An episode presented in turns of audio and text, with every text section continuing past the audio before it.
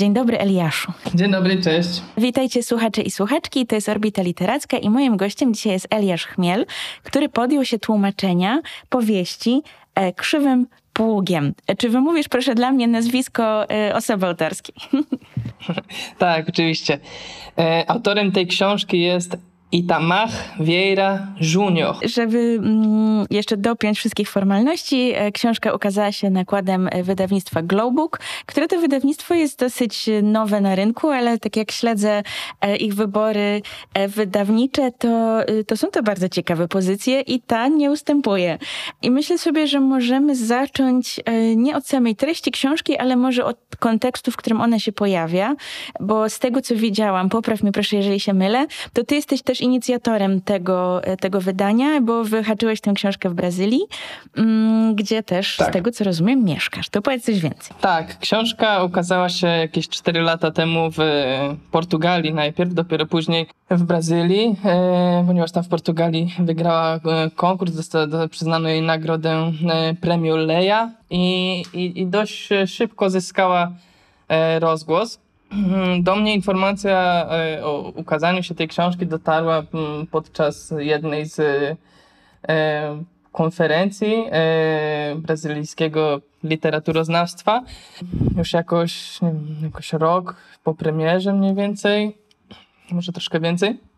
No i ten tytuł zawsze się gdzieś przewijał, kilkukrotnie właśnie go gdzieś słyszałem w różnych kuluarach pokonferencyjnych i, i, i w internecie jakoś tak coraz, coraz głośniej się o tej książce robiło. Tam pojawiały się, widziałem ludzi, którzy sobie, nie wiem, tatuowali okładkę tego, e, e, tej książki na, na ręku, ponieważ tak mocno się e, z nią utożsamiali.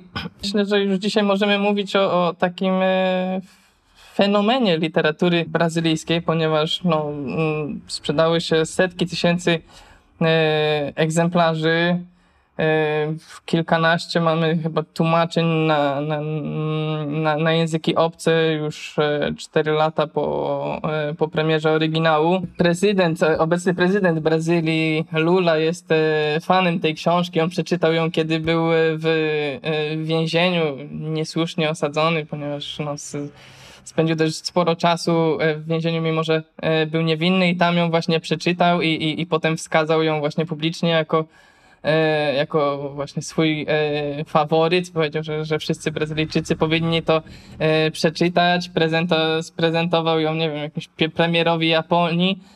E, także e, zaprosił też Itamara, Itamara na swój e, wiec przedwyborczy. Mm, to może brzmieć, że, że, ta, że ta książka jest e, bardzo upolityczniona. No, ona jest dość, e, znaczy bardzo mocno zaangażowana w e, taką walkość, walkę o, o sprawiedliwość społeczną, aczkolwiek samej treści jest to może niedaleko od polityki, ale od takiej polityki sensu stricte, to tak, to, to jest jej bardzo daleko. No tak, bo myślę sobie, że rzeczywiście tak, kiedy myślimy o polityce i o tym, co jest polityczne, to często właśnie to się kojarzy z jakimiś manifestacjami, nie wiem, obradami parlamentarzystów albo jakimiś takimi grami między osobami, które polityką się zajmują zawodowo, ale przecież polityczne jest też właśnie to, kto ma prawo korzystać z tego, z pochetka ziemi koło chatki i czy tę chatkę możemy zbudować ceglaną, czy nie. To wszystko też są kwestie, kwestie polityczne i w takim sensie ta, ta książka mm, bardzo mocno mówi o tych tematach. E, ale w sumie nim się w to zagłębimy, to może jeszcze prosiłabym cię, żebyś przedstawił, może nakreślił tak jakby fabułę tej książki dla osób, które jeszcze mają przyjemność lektury przed sobą, żeby tak się nie zagubiły w, w meandrach tej, tej narracji. No bo mamy te, te centralne Belonizję i Bibianę i one są y, siostrami. I co dalej? Może tutaj odwołam się troszkę do, do, do, do opisu y, wydawcy, ponieważ y, tak tutaj w, w miarę sy, w syntetyczny sposób opisa, opisano w nim tę fabułę. Opowiada ona historię dwóch sióstr w Brazylii, żyjących w brazylijskiej haciendzie Agua, Agua Negra, gdzie rytm życia wyznacza niekiedy bezlitosny dla ich upraw klimat oraz wieczornice żare, na których w ciała wiernych wstępują duchy nieziemskich, by tańczyć pośród swych wyznawców. Tak, e, teraz tutaj przytoczyłem fragment tego opisu. Historia zaczyna się od e, niefortunnego wypadku, w wyniku którego jedna z sióstr traci zdolność mówienia tak się tutaj e, pilnuje e, troszkę, żeby nie, zdradzać e, jakichś ważnych elementów fabuły. Jest to dosłownie pierwsza scena, więc jest to taki mikro spoiler, bo i tak już ktokolwiek rozpocznie lekturę, to już będzie o tym wiedzieć. Tak, i, i, później, później to, e, to życie e, ich jest e, portretowane z różnych perspektyw, to jak, e, wiem, jak, jak, jak, jak ci ludzie mieszkający tam zarabiają na, na życie, jak radzą sobie z suszami, z powodziami. E, no to jest takie bardzo etnologiczne spojrzenie, ponieważ autor jest etnologiem, on pisał napisał o tym e, e, rozprawę doktorską, także tutaj niektóre e, postacie są praktycznie ro, jakby rodem wyciągnięte z, z tej jego rozprawy. Mm. Także to tak, no to jego spojrzenie etnologa w taki dość metodyczny e, sposób przygląda się e, e, ich życiu, tak? Mamy opisane takie zdarzenia jak, jak, nie wiem, jak uroczystości, ślub, pogrzeb, tak? Mm, a do tego właśnie jakby tej, jest ukazany proces tego budzenia się, troszkę tej świadomości E, klasowej i, i, i, i, potem wszczęcia tych e, e, walk emancypacyjnych. Książka jest podzielona na, na trzy części. Pierwsza i druga część to w pierwszej i drugiej części wymienia się narracja między dwiema siostrami, a w trzeciej części narrację przejmuje święta Rita Rybołówka, czyli taki dość skomplikowany ontologicznie podmiot, ponieważ jest, e, jest ona no, bóstwem e, z panteonu właśnie tej religii Żary. Mm, I to z jej perspektywy e, są opowiadane mm, jakby te, te, te ostatnie już wydarzenia w książce, co jest, co, co było dość trafnym zabiegiem moim zdaniem, ponieważ jako, że no tak jak mówiłem, że ona jest takim dość e, skomplikowanym e, ontologicznie bytem, to ta, ta narracja e, robi się ciekawsza, bardziej eksperymentalna. Do tego ona pamięta czasy jeszcze tak naprawdę początku koloniza początków kolonizacji, dzięki czemu możemy poznać też trochę historii. Mhm. No właśnie, bo ta historia tutaj gra bardzo mocno, bo mamy osadników w tej, tej haciendzie, mm, którzy pracują na rzecz e, takiego wpływowego, e, przepraszam cię za pieska, e, wpływowego właściciela, chociaż nie wiemy w sumie, czy jest wpływową, tylko sprawia wrażenie takiej osoby, która, która posiada władzę, ale tak naprawdę po prostu straszliwie ich tam wyzyskuje. I to, co, to, co starałam się jakoś tak zasugerować, czyli, czyli fakt, że istnieją nawet zasady dotyczące budowania mm, tych domków, tak, że one nie mogą być murowane, bo to wszystko ma sprawiać wrażenie tymczasowości, więc jest to lepione z tego, z tego budulca, który się przy deszczu rozpada. Mm, to wszystko wpływa bardzo na tak jakby status ontologiczny tych postaci tam, tak, że one sobie funkcjonują bardzo blisko przyrody z jednej strony, co jest też ciekawe, ale z drugiej strony właśnie w takim wiecznym tym czasie. E, I to to, co mnie zaciekawiło w tej książce i dlatego też właśnie chciałam też porozmawiać o niej w audycji, to jest taka pewna podwójność, którą tam znalazłam, bo z jednej strony mamy coming of age tych dwóch sióstr, bo zaczynamy od tego, że one są dziewczynkami, znajdują ten nóż, dokonują tego takiego dziwnego. To jest wypadek niby, ale jest to jakaś taka forma dziwnej ceremonii, jakiejś dziwnej fascynacji tym obiektem.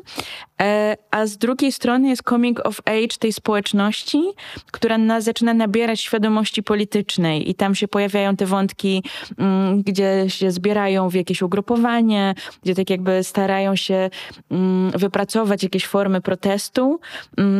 I coś z tą rzeczywistością zrobić i zmienić. I tak jakby tak jak się budzi seksualność, dojrzałość dziewczynek, tak samo budzi się też właśnie ta polityczna świadomość społeczności. To było bardzo ciekawe. Nie wiem, czy to jest pytanie, czy... Jeżeli, czy, chcesz, yy, jeżeli chcesz to w jakiś sposób skomentować, to proszę, a jeżeli nie, to mam już dla ciebie kolejne pytanie. E, tak, tak, no, że myślę, że wyczerpałaś e, ten temat. Dobra, to w takim razie porozmawiajmy, proszę, o ile mogę cię prosić, też tak obsadzam się w roli e, eksperta od, od te, tego Mhm. tematu. Em, skąd ta społeczność tam się dokładnie wzięła i czy mógłbyś proszę nakreślić trochę kontekstu historycznego? Właśnie znowu dla osób, które, e, które się nie doktoryzowały z tego, które nie mają za sobą tej pracy, e, którą, którą wykonał autor, na ile też oczywiście ty, ty się znasz na tym i na ile się w to zagłębiałeś, e, pracując nad tłumaczeniem książki. Dobrze, no to może tak zaczniemy e, od początku. W 1500 roku e, przybywają Portugalczycy na, na ziemię, które dzisiaj nazywamy Brazylią. Wcześniej te ziemie były zamieszkiwane już przez bardzo heterogeniczną ludność rdzenną. Czyli były to różne, e, różne ludy. Mm. E, Portugalczycy, no tak, za, za, zaczęli no, budować tam to swoje e, imperium. E, no, Brazylia była dla nich taką jakby fabryką, z której e, należało po prostu wyciągnąć e, tak tyle, ile to możliwe. E, zaczęno, e, zaczęto e, ewangelizować e, ludność rdzenną, później e, e, ci misjonarze chrześcijańscy zaczęli stawać w obronie tej ludności rdzennej, ponieważ jakby utożsamili ją w taki romantyczny sposób z Tutaj jest mowa, mówię o micie dobrego dzikusa w cudzysłowie, e, ponieważ jakby wy, wykreowali ten, ten obraz takiego jakby Adama i Ewy, takiego człowieka nieskażonego mm, jeszcze grzechem. Także, żeby było jasne, oni też, ci misjonarze bardzo przy, przyczynili się do zniszczenia jakby tego świata, tej e, ludności rdzennej. E, aczkolwiek tak, no w pewnym momencie e, z, z, z, zaczęli oni e, stawać się w, w obronie. No a Portugalczycy nadal potrzebowali siły roboczej, przez co jakby za, zaczęto sprowadzać osoby z Afryki. Zaczęto brać je w niewolę i przesiedlać na, na drugi brzeg oceanu. E, No i te osoby e, miały swoją kulturę. Oczywiście to też były e, różne ludy, tak? I, także to, były, mówimy o, o, o, o- wielu różnych kulturach. Miały swoje religie, wierzenia i, i kiedy przesiedlono ich na ten drugi brzeg oce- oceanu, no to to wszystko przedostało się tam razem z nimi. E, po wielu latach e, no, wykorzystywania i, i, bardzo e, traumatycznej e, historii. mm, e, W 1888 roku e, ludność e, czarna no, teoretycznie e, uzyskała e, wolność, e, zakazano e, teoretycznie e, niewolnictwa, tak? E, Także te, teoretycznie mogli, mogli począć ze sobą e, co tylko chcieli, aczkolwiek kiedy nie mamy kapitału, nie mamy wykształcenia e, i, i do tego dalej jesteśmy ofiarami wielu uprzedzeń i, i mm, to wtedy nasza sytuacja nie zmienia się za bardzo tak naprawdę.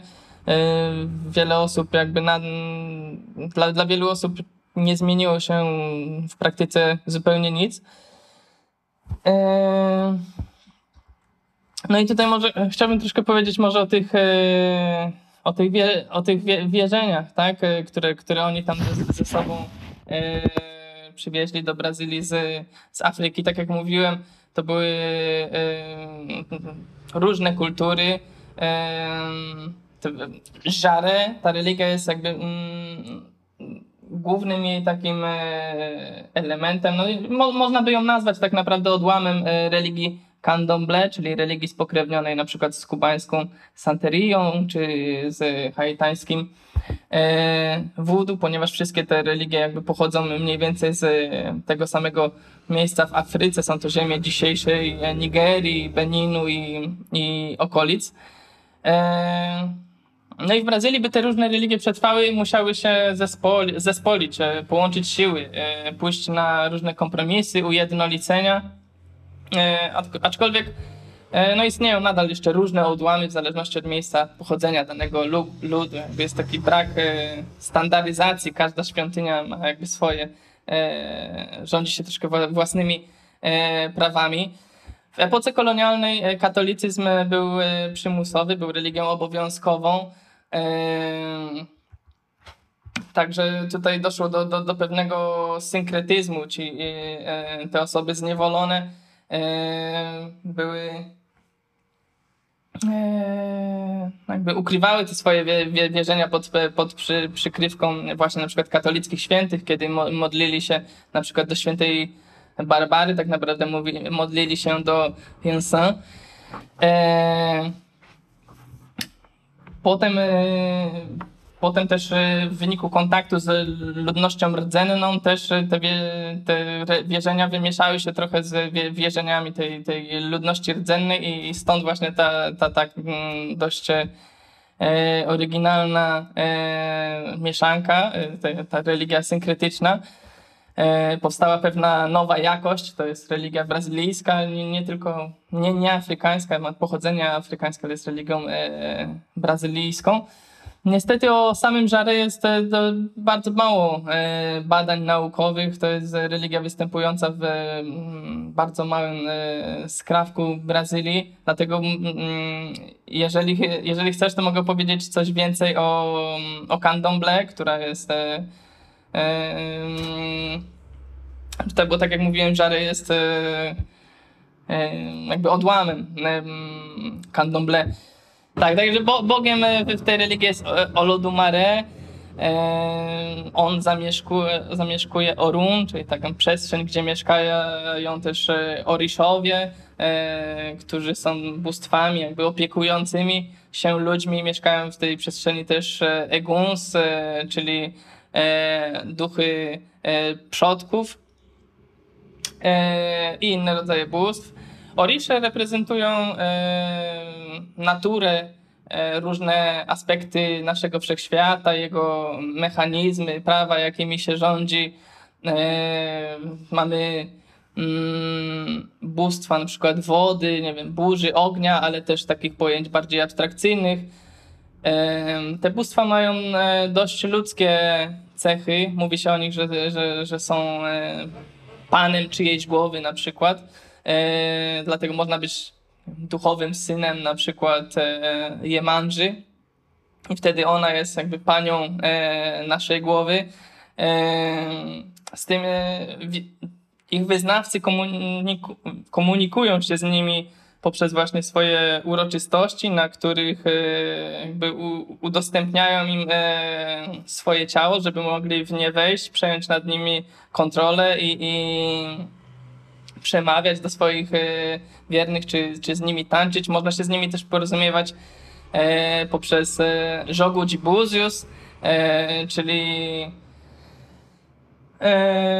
no to może wyglądać jak gra, ponieważ mamy taką planszę, na którą się, się rzuca muszelki zwane buzius i, i, i, i z, w zależności od tego, jak one upadną, wtedy to odczytuje się mm, wolę różnych bóstw. To trochę działa jak ta Ouija, tablica, czy, czy nie? Po prostu te muszelki mają takie jakby y, nacięcia, mają takie otwory i to, ich, ich jest 16, zależy w jakiej konfiguracji one spadną, czy na przykład otworem do góry, czy otworem do mm, dołu i, i to jest e, e, odczytywane według, e, no to ma jakby swoją gramatykę, tak? To, to nie jest jakby odczytywane według e, widzi mi się jakiegoś e, kapłana, tylko jakby, mm, według tej gramatyki, tylko no niestety też nie wiem wszystkiego, bo mało kto e, tak naprawdę zna wszystkie tajniki, ponieważ jest to wiedza e, dla wtajemniczonych tak naprawdę. E, no częściowo te wierzenia opisałem w swojej powieści, też wydanej wy, wy, przez wydawnictwo e, Globuk Rozdroża 1999. No, jeżeli chodzi o, o, o, świątynie na przykład, no to są takie wiejskie gospodarstwa, ponieważ oni potrzebują na przykład e, różnych drzew, bo niektóre bóstwa zamieszkują e, różne drzewa, albo no, potrzebują też e, wielu różnych liści, muszą mieć do nich e, dostęp, ponieważ akurat liście są ważnym elementem, ponieważ są jakby takim nośnikiem energii e, Asze, czyli jakby tego tchnie, boskiego tchnienia. Także, no i też są podstawą do ziołolecznictwa, bo to jest religia, która zajmuje się też leczeniem. Mają niebywałą wiedzę, jeżeli chodzi o właśnie o ziołolecznictwo. E, hmm, no ogólnie mają bardzo skomplikowaną e, symbolikę rytuałów, pieśni, ubioru, e, potraw, roślin, instrumentów. Każda czynność ma swoje znaczenie podczas uroczystości, ale też na przykład podczas przygotowania posiłku dla, mm, dla tych bóstw.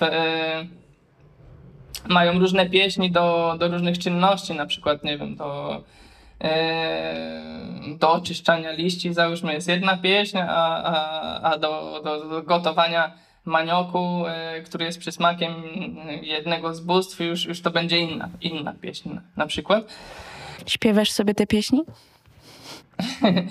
nie, raczej sobie nie podśpiewuję e, tych pieśni, aczkolwiek niektóre tak dość zapadają. E, w głowie. E, no nie wiem, takim ciekawym elementem jest jeszcze to, mm, tak chciałbym naprawdę bardzo skrótowo zobrazować tę religię, aczkolwiek nie wiem, czy nie skupiam się na niej za bardzo. Myślę, że ona jest bardzo, bardzo ciekawym elementem tej fabuły i rzeczywiście chciałam za moment jeszcze zakotwiczyć to trochę w samej treści książki, ale, ale tak, słucham urzeczona, więc, więc kontynuuj proszę. Okej, okay, no to e, też e, e, składają ofiary dla swych bóstw z roślin, tak, z warzyw, owoców, ale też na przykład z rytualnie zabitych zwierząt, czasem z alkoholu, cygar, przedmiotów codziennego użytku, takich jak na przykład lusterka, perfumy, szminki, czy nawet słodycze czy, czy zabawki w przypadku na przykład RS, czyli duchów dzieci w synkretyzmie utożsamionymi z Kosmą i świętym Kosmą i Damianem, e, którzy są patronami właśnie dzieci. E, ta religia jest bardzo e, połączona właśnie z jej, jej głównym celem, znaczy nie głównym celem, ale też jednym z głównych celów jest właśnie zachowanie tej kultury, pamięci, tej tożsamości afrykańskiej. Te uroczystości są bardzo wesołe, muzyka jest bardzo ożywiona zazwyczaj, nierzadko spożywa się Mm, na nich alkohol. E, religie te były też e, zwalczane przez, e, przez długi czas. Cała kultura afry, afrykańska oraz kultura ludności rdzennej, wszystko co nieeuropejskie, postrzegane było przez mm, Europejczyków jako barbarzyństwo. Zacofanie intelektualne, ekonomiczne, infrastrukturalne Także jakby na, na, przełomie XIX i XX wieku bardzo popularne były, bardzo popularny był tak zwany rasizm naukowy, czyli takie pseudonaukowe teorie o wyższości rasy białej. E, I w Brazylii one były mm, no jakby zdroworozsądkowe, że tak powiem, powszechnie akceptowane. E, nie tylko tam, bo nawet w Europie e, cieszyły się dość dużym powodzeniem. Też Hitler się nimi inspirował na przykład. I to przełożyło się na, e, między innymi to przełożyło się na wprowadzenie polityki wybielenia rasowego. E, brazylijskie społeczeństwo chciało się wybielić. No, o tym zadecydowały elity e, nie tylko polityczne, ekonomiczne, ale też intelektualne, o dziwo. Także zaczęto sprowadzać ludzi z Europy, żeby zasiedlić, zasiedlić te wielkie połacie ziemi, jakimi dysponuje Brazylia. No tak jak mówiłem, w 1888 roku teoretycznie zakazano e, niewolnictwa, zniesiono niewolnictwo. E, było dużo ziemi do zagospodarowania, dużo pracy do wykonania, ale, ale mimo to jakby czarni przez to, że byli uważani jako tam, mm, rasę e, jako, jako gorszą kategorię, to im nie przyznawano ziemi za darmo, tak, tak na przykład jak e, osiedleńcom z, z Europy. Byli to no, zazwyczaj y, biedni, y, wygłodzeni chłopi z Hiszpanii, w Francji, Niemiec, ale też, ale też z Polski. Na, na południu Brazylii mamy e, duże y, no, kolonie polskie.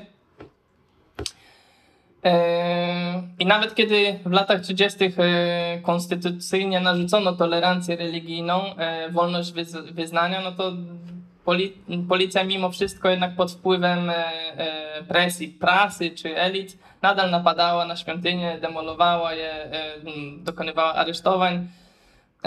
Do teraz jest jeszcze tak naprawdę sporo uprzedzeń choćby można popatrzeć na niektóre wypowiedzi poprzedniego, e, skandaliczne wypowiedzi przed, poprzedniego prezydenta Brazylii. E, nawet w tym miesiącu byłem u znajomych i, i żalili mi się, że ich, ich dziecko zostało wyśmiane w szkole, podstawowej szkole przez jakichś ośmiolatków, przez inne dzieci.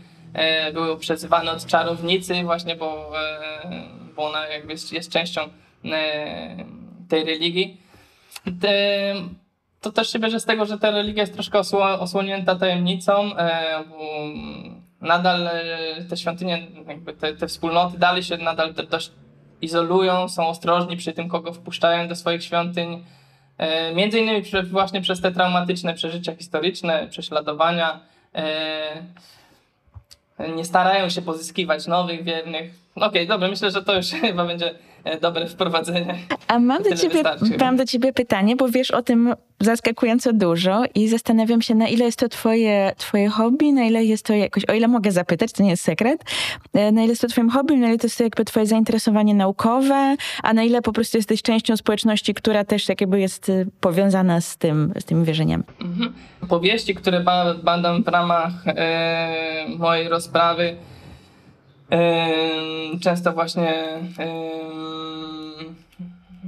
portretują troszkę ten e, świat tych, e, tych wierzeń. E, także tutaj mamy to zainteresowanie naukowe, ale też sympatyzuję z nimi, zaangażowałem się troszkę w tę religię jakoś emocjonalnie i, i też trochę duchowo. Mieszkasz na stałe w Brazylii, czy, czy po prostu jesteś na tak, czas? To znaczy teraz, teraz obecnie e, tak, mieszkam tutaj na czas nieokreślony w Brazylii. Mhm. Wow, fajnie. No, mnie to się bardzo podoba. A jak ci, się, jak ci się pracowało z tłumaczeniem tej książki? Bo wiem, że nie znaczy o ile się nie mylę, nie masz za dużego tłumaczenia, y, doświadczenia jako tłumacz, mm, więc jak jakby rozumiem skąd się wziął ten gest, żebyś ty podjął się tej pracy, jeżeli właśnie masz cały ten background i tak dalej, ale y, właśnie co na przykład było dla ciebie największym wyzwaniem w tym i tak jakby jak się czułeś też w tej roli i powiedz coś proszę więcej o tym. Tak, no miałem już dość sporo doświadczenia w samym tłumaczeniu, może nie literackim. Wcześniej przetłumaczyłem tylko jedną powieść. No ale też, e, też piszę, także no to jest jakoś, e, to są, e, to są dość pokrewne czynności. Mówi się zawsze tłumacz też autor, więc to śmieszne, bo jesteś tłumaczem i autorem. Tak, no tłumacz też, też autor na pewno pod, w świetle prawa powinien tłumacz być traktowany jako autor, autor przekładu. Aczkolwiek nie, nie stawiałbym jednak mimo wszystko tłumacza na, na równi z wiem, autorem powieści, jeżeli chodzi o, o zasługi dla tej powieści, czy coś takiego, bo to już jak dla mnie, to już jest dla mnie o, o krok za daleko e, bo jednak napisanie powieści to jest inny już e, rodzaj pracy. Tak, jeżeli chodzi o mm, trudności, to e, przy, przy tłumaczeniu, to mm, o dziwo e, niełatwo mi się pracowało po prostu z polszczyzną, ponieważ od 8 lat e, używam jej rzadziej niż, niż portugalskiego, ponieważ e, moja narzeczona jest Brazylijką. Także troszkę musiałem się zmagać właśnie z tą polszczyzną, ponieważ jest ona też trochę, była ona troszkę nieprzystająca do, do tego języka Itamara. Trudnością był dla mnie troszkę może też język samego autora właśnie, ponieważ jest on taki dość e, elegancki, klasyczny, literacki, tylko czasem e, wkradają się właśnie w niego jakieś regionalizmy i to właśnie z takim dużym wyczuciem i umiarkowaniem, a szkoda, bo język kolokwialny i regionalny e, w Brazylii jest niezwykle barwny. Także troszkę ta trudność była z, wyczuciem rejestru bo mamy na przykład y, narratorki bez instytucjonalnego wykształcenia, a jednak wypowiadające się bardzo elegancko, co jest uzasadnione tym, że, że one dużo czytają też na własną rękę po prostu. E, no ale one mają właśnie czas, czasami też te nale, naleciałości regionalne. E, dlatego próbowałem osiągnąć taki efekt e, swojskości i literackiej takiej elegancji zarazem, tej, tej klasyczności. E, I żeby osiągnąć tę swojskość, e, na przykład e, mm, unikałem nie wiem, germanizmów, rusycyzmów, a nawet latynizmów, których w Polsce, w polszczyźnie jest bardzo dużo. No bo choć portugalski, no mimo że portugalski wywodzi się z łaciny i, i tam latynizmy oczywiście są jak najbardziej na miejscu, no u nas one brzmią jednak obco. Taki oczywisty przykład to mm, education, tak? To przecież edukacja, e, ale bardziej swojsko brzmi na przykład wykształcenie, tak? Bardziej słowiańsko. E, w niektórych przykładach taka strategia egzotyzacji jest pożądana, ale, ale nie w tym, tak przynajmniej mm, uznałem. E, swoją drogą bardzo dużo jest tych słów właśnie obcego pochodzenia w polszczyźnie, nawet wśród tych, które wydają nam się przepolskie i dalibyśmy sobie za to obciąć głowę. Dlatego no, często sprawdzałem etymologię, pochodzenie tych słów, ich konotacje, częstotliwość występowania i, e, i tym podobne. E, może zrobiłem to kosztem tego, że ktoś odniesie, odniesie wrażenie prostoty, e, małego zasobu słownictwa, bo wolałem na przykład użyć, nie wiem, słowa zrozumiały zamiast e, klarowny. E, ponieważ mnie jako hispaniście często słowa obcego pochodzenia nasuwają się w pierwszej kolejności, wyzwaniem, jakie sobie postawiłem, było jednak czerpanie natchnienia z tej e, swojskiej polszczyzny. E, no ogólnie jeszcze, jeżeli chodzi o portugalszczyznę i Tamara, miał, ma on też czasem nieco zawiłą e, składnię zdań. E, nie zawsze, ale czasem pojawiały się takie bardzo długie i skomplikowane z szkatułkową konstrukcją e, dygresyjne e, zdania i dygresja w dygresji i, i, i tak dalej. E, I ta polszczyzna jakoś się takiej konstrukcji nie, poddawa, nie poddawała zbyt łatwo. W oryginale jest też wiele, wiele powtórzeń. Ja to czasami poprawiałem, lecz e, no nie zawsze, bo czasem e, pasowały mi stylistycznie, a czasem nie. E, przez cały czas siedziały mi jednak no, z tyłu głowy te tezy literaturoznawstwa i przekładoznawstwa postkolonialnego, które krytykują tłumaczy Zachodu, starających się no, w cudzysłowie ulepszać dzieła globalnego południa, co miałoby być wyrazem ich właśnie zachodniocentryzmu, europocentryzmu, tak? E, może trochę e, za bardzo dmuchałem tutaj na zimę, aczkolwiek no już nie mnie, nie mnie to oceniać. E, na pewno taką trudnością jest e, znajomość e, kultury, religii. E, jestem pewny, że nawet nie każdy Brazylijczyk by dał sobie z tym radę, ponieważ, tak jak mówiłem, nawet dla Brazylijczyków rzeczywistość opisywana przez e, Itamara jest, e, jest dość e, obca, dla, dla większości tak naprawdę. Trzeba było znać, nie wiem, jakieś zjawiska, których czasami, czy słowa, których nie ma w słownikach, encyklopediach. Myślę, że bym nie podołał, gdybym sam nie wziął właśnie udziału w podobnych uroczystościach, nie zajmował się od kilku lat podobnymi kwestiami w ramach mojego doktoratu, nie zaangażował się emocjonalnie i duchowo w poznawanie tej sfery, nie odwiedził e, miejsc, miejsc e, w sąsiedztwie, miejsca akcji powieści i, no i nie, poz, nie poznał zamieszkujących je ludzi. Ogólnie e, trzeba uważać e, przy przekładaniu tak różniącej się od naszej kultury. Nie można sobie zbyt lekką ręką tłumaczyć niektórych zwrotów, tak? Jeżeli mamy na przykład jako, jakieś wyrażenie będące synonimem śmierci, tak? To czasami nasuwa się na, nasuwają się nam polskie odpowiedniki, takie jak na przykład oddać duszę Bogu, albo udać się na wieczne spoczywanie, zamiast e, właśnie umrzeć.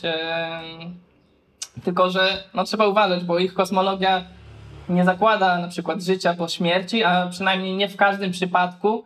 E, nie zawsze to jest na wieczność, czyli tutaj wieczne spoczywanie tutaj nie ma sensu. Albo właśnie mm, nie przenosimy się na tamten świat, bo, bo nie każdy się E, przenosi w ich wierzeniach, nie, niekoniecznie na tamten świat, pozostaje jeszcze w tym e, świecie po śmierci. Także e, no jest du dużo takich smaczków, na które trzeba uważać. Trudnym był też zadaniem przekład takich regionalnych nazw fauny i flory, mm, ale też różnych wyrażeń związanych z tą fauną i florą, ponieważ no na przykład nie mogę użyć e, słowa zacietrzewić się jako synonimu uprzeć się, tak? Nie wiedząc, czy są tam cietrzewie, tak? To jeżeli tam nie ma cietrzewi, no to raczej osoba by nie użyła wyrażenia zacietrzewić się, tak? Eee, może trochę pedantycznie, e, albo na przykład stanąć okoniem, tak? E, w znaczeniu sprzeciwić się. mimo, że mogłoby to być uzasadnione, tak? jeżeli na przykład tylko w Portugalii byłyby cietrzewie i okonie, e, no to takie frazeologizmy mogłyby, e, takie wyrażenia czy frazeologizmy mogłyby przewędrować przecież wraz z językiem kolonizatorów, także niekoniecznie muszą tam być te okonie i cietrzewie, żeby używać takich słów, aczkolwiek no, to jest, są takie kwestie, które cały czas się pojawiają w tym procesie tłumaczenia. E, analogiczne przypadki spotykały mnie też w kwestiach wykraczających e, poza takie słowotwórstwo odzwierzęce, e, a zahaczające na przykład o elementy kultury też. E, jeszcze przy faunie florze tylko takie wyszukiwanie łacińskich odpowiedników w różnych zielnikach, atlasach, encyklopediach też było dość żmudnym zadaniem też trzeba było się troszkę wykazać e, kreatywnością przy słowotwórstwie, ponieważ jakby nie wystarczyło e, znaleźć e, polski odpowiednik nazwy jakiegoś tam ptaszka, załóżmy, ponieważ Itamar używał zazwyczaj takich nazw ludowych właśnie tych zwierząt, nie tych oficjalnych z, z encyklopedii, Mm, które często mają takie zabarwienie wiem, jakieś humorystyczne albo, albo takie jakieś, nie wiem, e, właśnie też wyrażają pewną e, swojską relację właśnie wobec jakiegoś e, zwierzątka. Także jakby najpierw trzeba było znaleźć jakby co ta nazwa ludowa, jakiego zwierza oznacza ta nazwa, nazwa ludowa znaleźć jego łaciński odpowiednik, później dzięki łacińskiemu odpowiednikowi znaleźć polski odpowiednik i potem jeszcze wymyśleć jakieś takie słowo, które brzmiałoby bardziej właśnie tak e, ludowo, kolokwialnie, ale jeszcze w taki sposób, żeby e, można było się dokopać do tego, co to jest za ptaszek, albo jakby odzwierciedlające jakąś jego cechę charakterystyczną. E, różnice kulturowe też były dość no, taką zapalną kwestią tutaj. Już nawet pomijam właśnie takie te skomplikowane kwestie jak religie i tak dalej, ale na przykład no, dla nich takie chłodne, pochmurne popołudnie to jest coś pozytywnego. U nas w obrazach literackich to jest, no mamy inną konotację, tak? Jeżeli ktoś tam nie wiem, jakiś e, pisarz opisuje właśnie chłodne, pochmurne popołudnie, to już mamy taki klimat raczej e, ciężki, tak? E, tylko, że dla nich zimne jest czymś pozytywnym, bo, bo ich zimne nigdy nie jest tak zimne jak nasze zimne. E, ich słońce mę, męczy, chłodne popołudnie to jest e, chwila wytchnienia I dlatego u mnie coś na przykład nie grało, kiedy e, tłumaczyłem takie zdanie. Mm, nie pasowało mi takie zestawienie, że tutaj e, cytuję, że choć było to popołudnie zimne, bohaterka miała zaniepokojony wyraz twarzy, tak? Dlatego trzeba, trzeba było kombinować. Ja na przykład dałem e, rześkie przychmurzone, e, a nie pochmurne e, popołudnie. I wyszło coś takiego, że to było przychmurzone. Było to że przychmurzone, rześkie popołudnie, lecz z biegiem godzin wywołało u, Marii, u Marii coraz wyraźniejszy niepokój na twarzy. Coś takiego. Także mm, cały czas trzeba było być jakby czujny, nie, nie można było tak e, e, przykładać e, raczej jeden do, do jednego. E, też mi na przykład coś nie grało, kiedy pięcioletnie dzieci e, piły kawę. To tak się zastanawiałem, czy ja na pewno dobrze tłumaczę, no ale, no ale tam nie jest to takie jakieś nie wiem, skandaliczne, czy jest, jest to jak najbardziej normalne.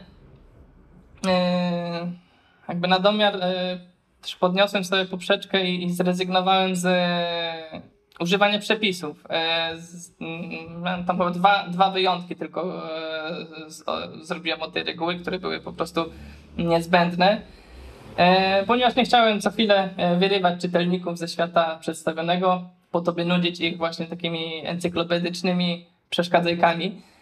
E, starałem się, by wszystko wyjaśniało się samorzutnie wraz z nurtem tej opowieści.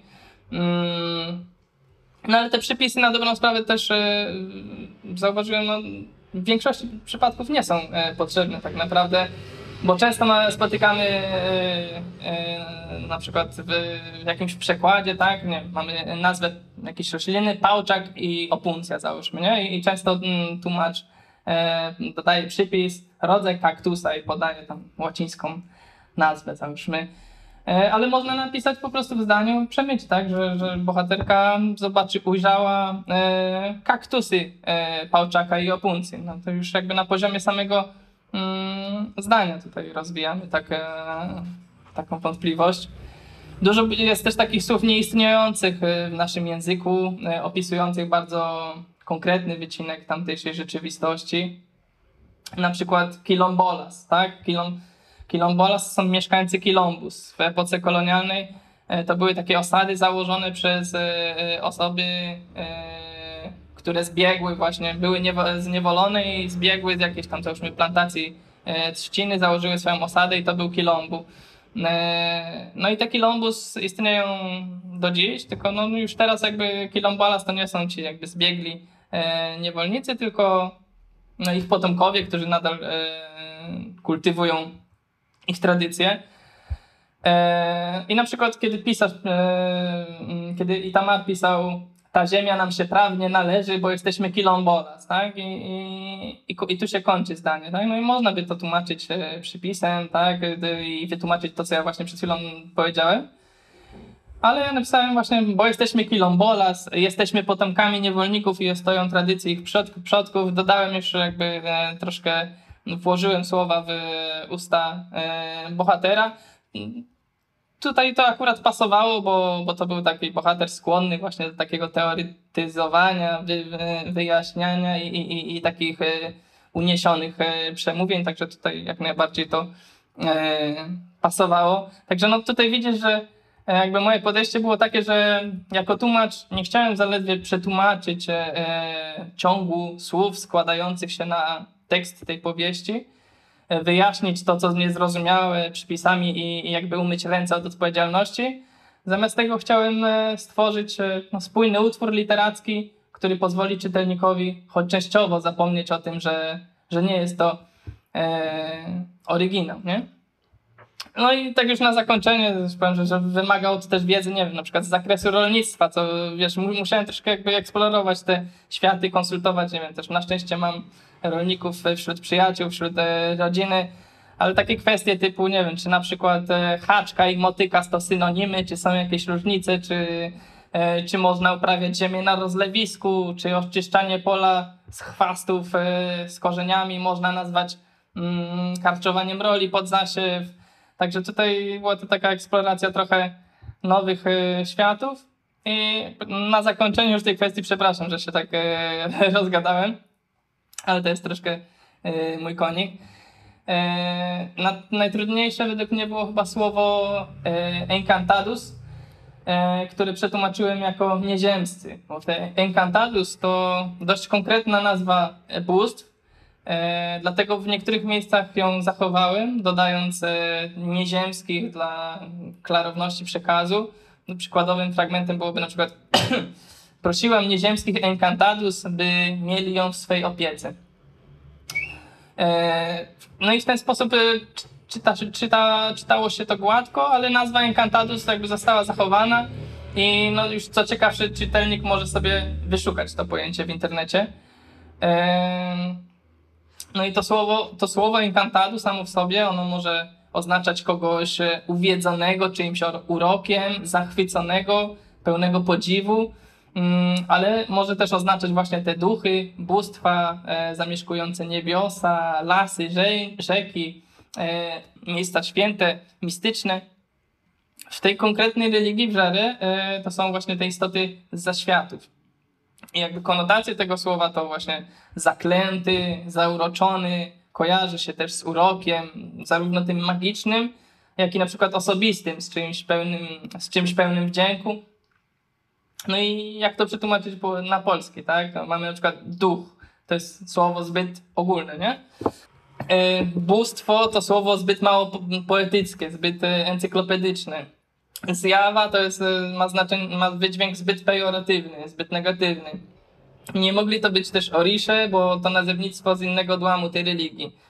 Dodatkowo ci encantadus, encantadus oznacza też Mm, zarówno Oriszy, jak i Kabokli oraz y, świętych katolickich.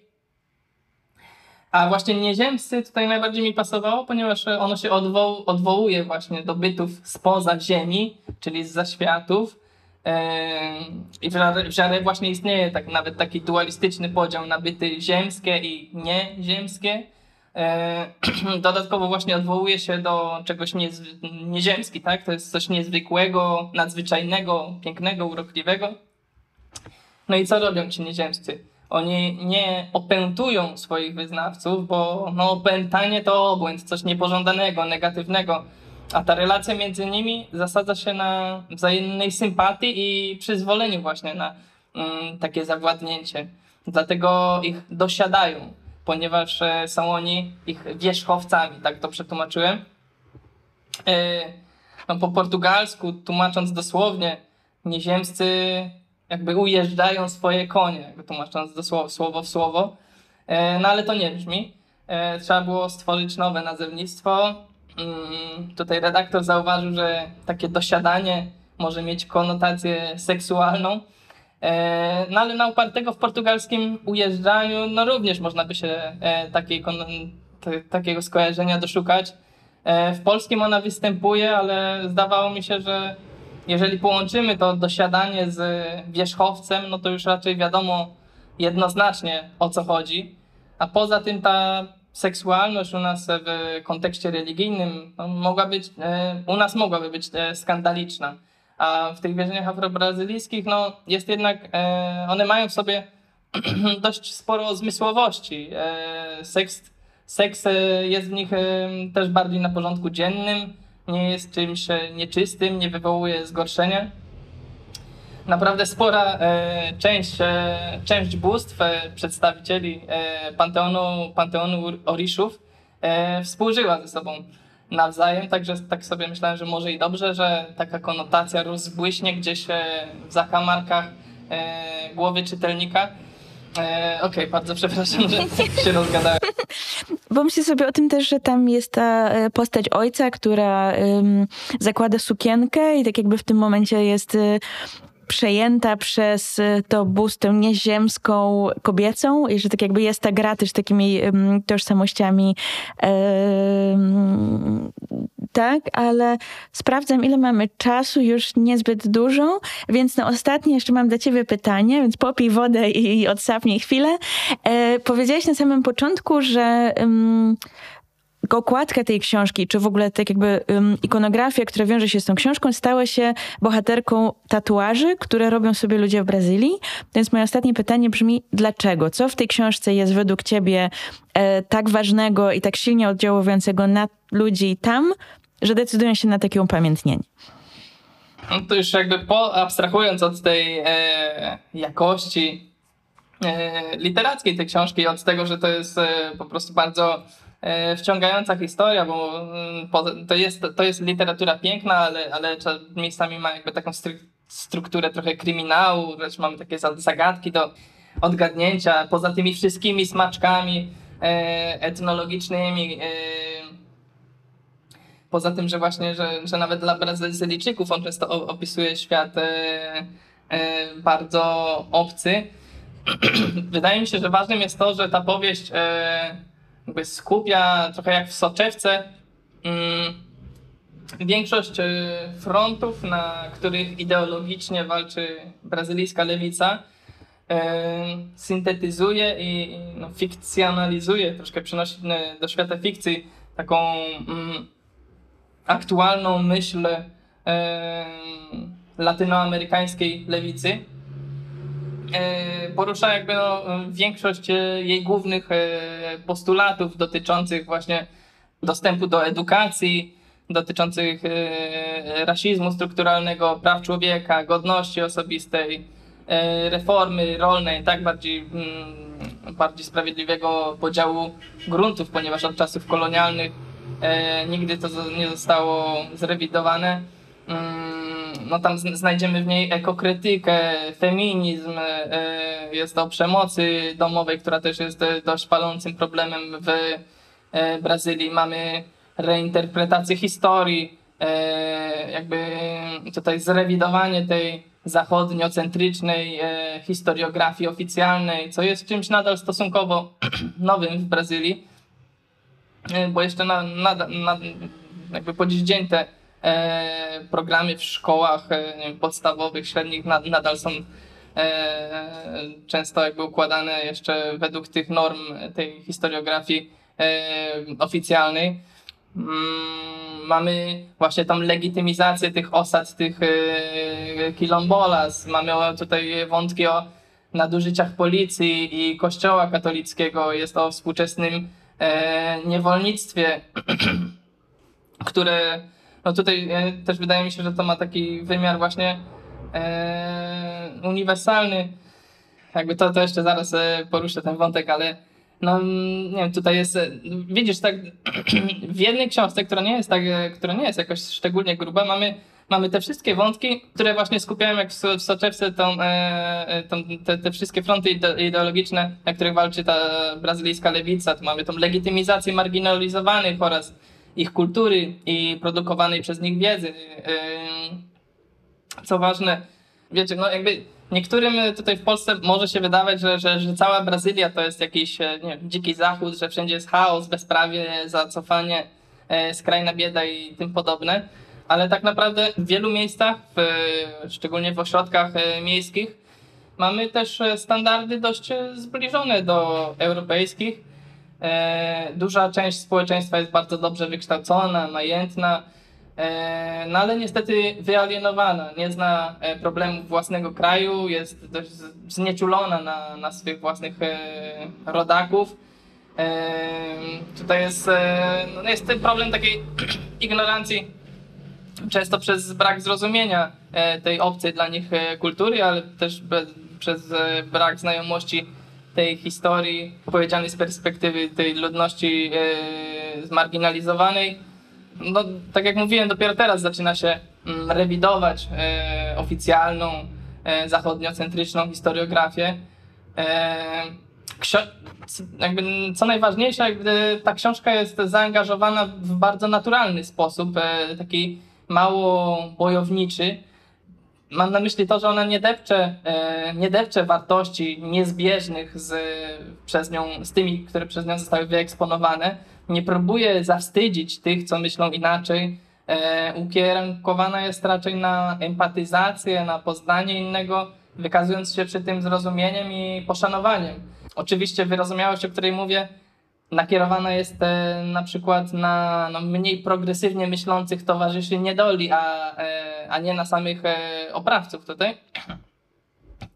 Wydaje mi się, że to jest też taka książka, która no, powinna jakby zadowolić i 60-letniego chłopczyka i 14-letnią e, dziewczynkę, o których mówiła na przykład Olga Tokarczuk podczas swej kontrowersyjnej dość rozmowy na festiwalu Góry Literatury.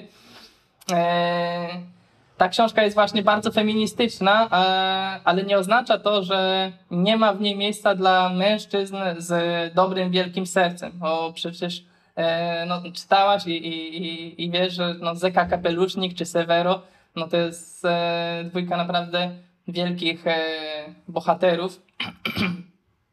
I już jakby na zakończenie, jakby wytłumaczenia tego fenomenu tej książki, Chciałbym zaznaczyć, że, że, że troszkę mnie martwi e, wydźwięk recenzji, czy, czy po prostu opinii e, bookstagramerek, które zwracają uwagę głównie na dużą ilość e, cierpienia, na to, że mm, to emocjonalnie wymagająca książka i no, chciałbym, żeby to wybrzmiało, że to nie jest kolejne dzieło z serii e, Poverty Porn, tak, pornografia ubóstwa, ani książka pokroju komercyjnej literatury auschwitzowej, e, bo to nie jest właśnie tutaj jakieś fetyszyzowanie, romantyzowanie czy komercjalizowanie cierpienia. Mm, ta książka ma uwrażliwiać na problemy współczesnego świata, na to, co dzieje się teraz, choć wydawałoby się, że w XXI wieku już to niemożliwe.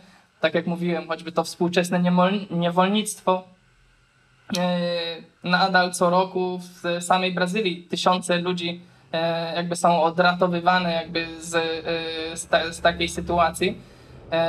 Ale mamy też w Polsce tak naprawdę współczesne niewolnictwo.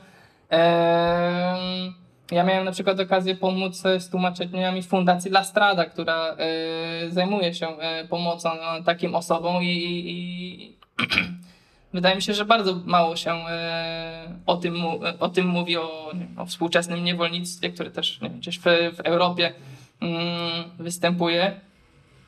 I ogólnie myślę, że, że zwłaszcza w Polsce ważne są e, lektury tego rodzaju, no ponieważ e, ta Europa Centralna to jest jeden z nielicznych skrawków świata, gdzie bardzo mało się mówi o problematyce kolonizacji E, nie byliśmy nigdy ani imperium, ani kolonią, e, ani, a przynajmniej nie kolonią sensu stricte.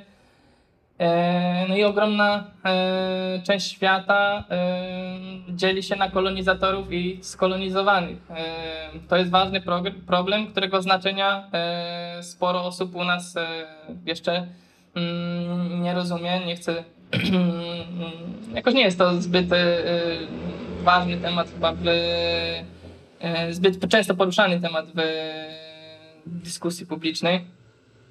No i podobnie jest problema, z problematyką rasizmu. Jest ona dla nas dość obca, zwłaszcza problematyka rasizmu instytucjonalnego czy strukturalnego.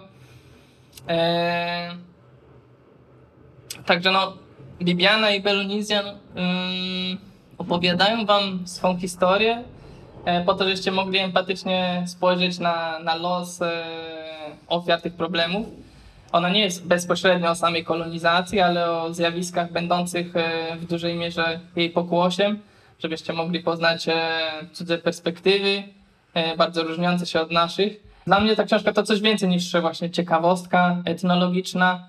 Dodatkowo to bardzo autentyczna historia, napisana przez kogoś, kto poświęcił temu tematowi 16 lat życia, pracy zawodowej i badawczej charakteryzuje ją bardzo imponujące bogactwo szczegółów, y, a jak wiadomo, no, diabeł tkwi w szczegółach, tak? Myślę, że mamy piękne y, podsumowanie i też piękną zachętę dla, dla naszych polskich czytelników, y, czytelniczek, osób czytających, żeby po tę książkę sięgać.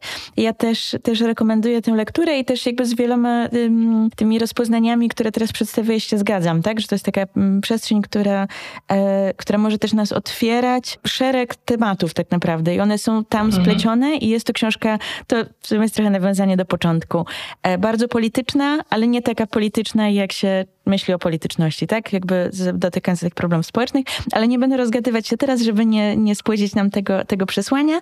E, pozostaje mi podziękować Ci za tę rozmowę. Bardzo to było dla mnie przyjemne doświadczenie i dziękuję Ci, że przedstawiałeś te konteksty. Mam nadzieję, że też przydadzą się naszym e, słuchaczom do e, pogłębiania lektury i wątków tam, które się znajdują. Bardzo, bardzo dziękuję.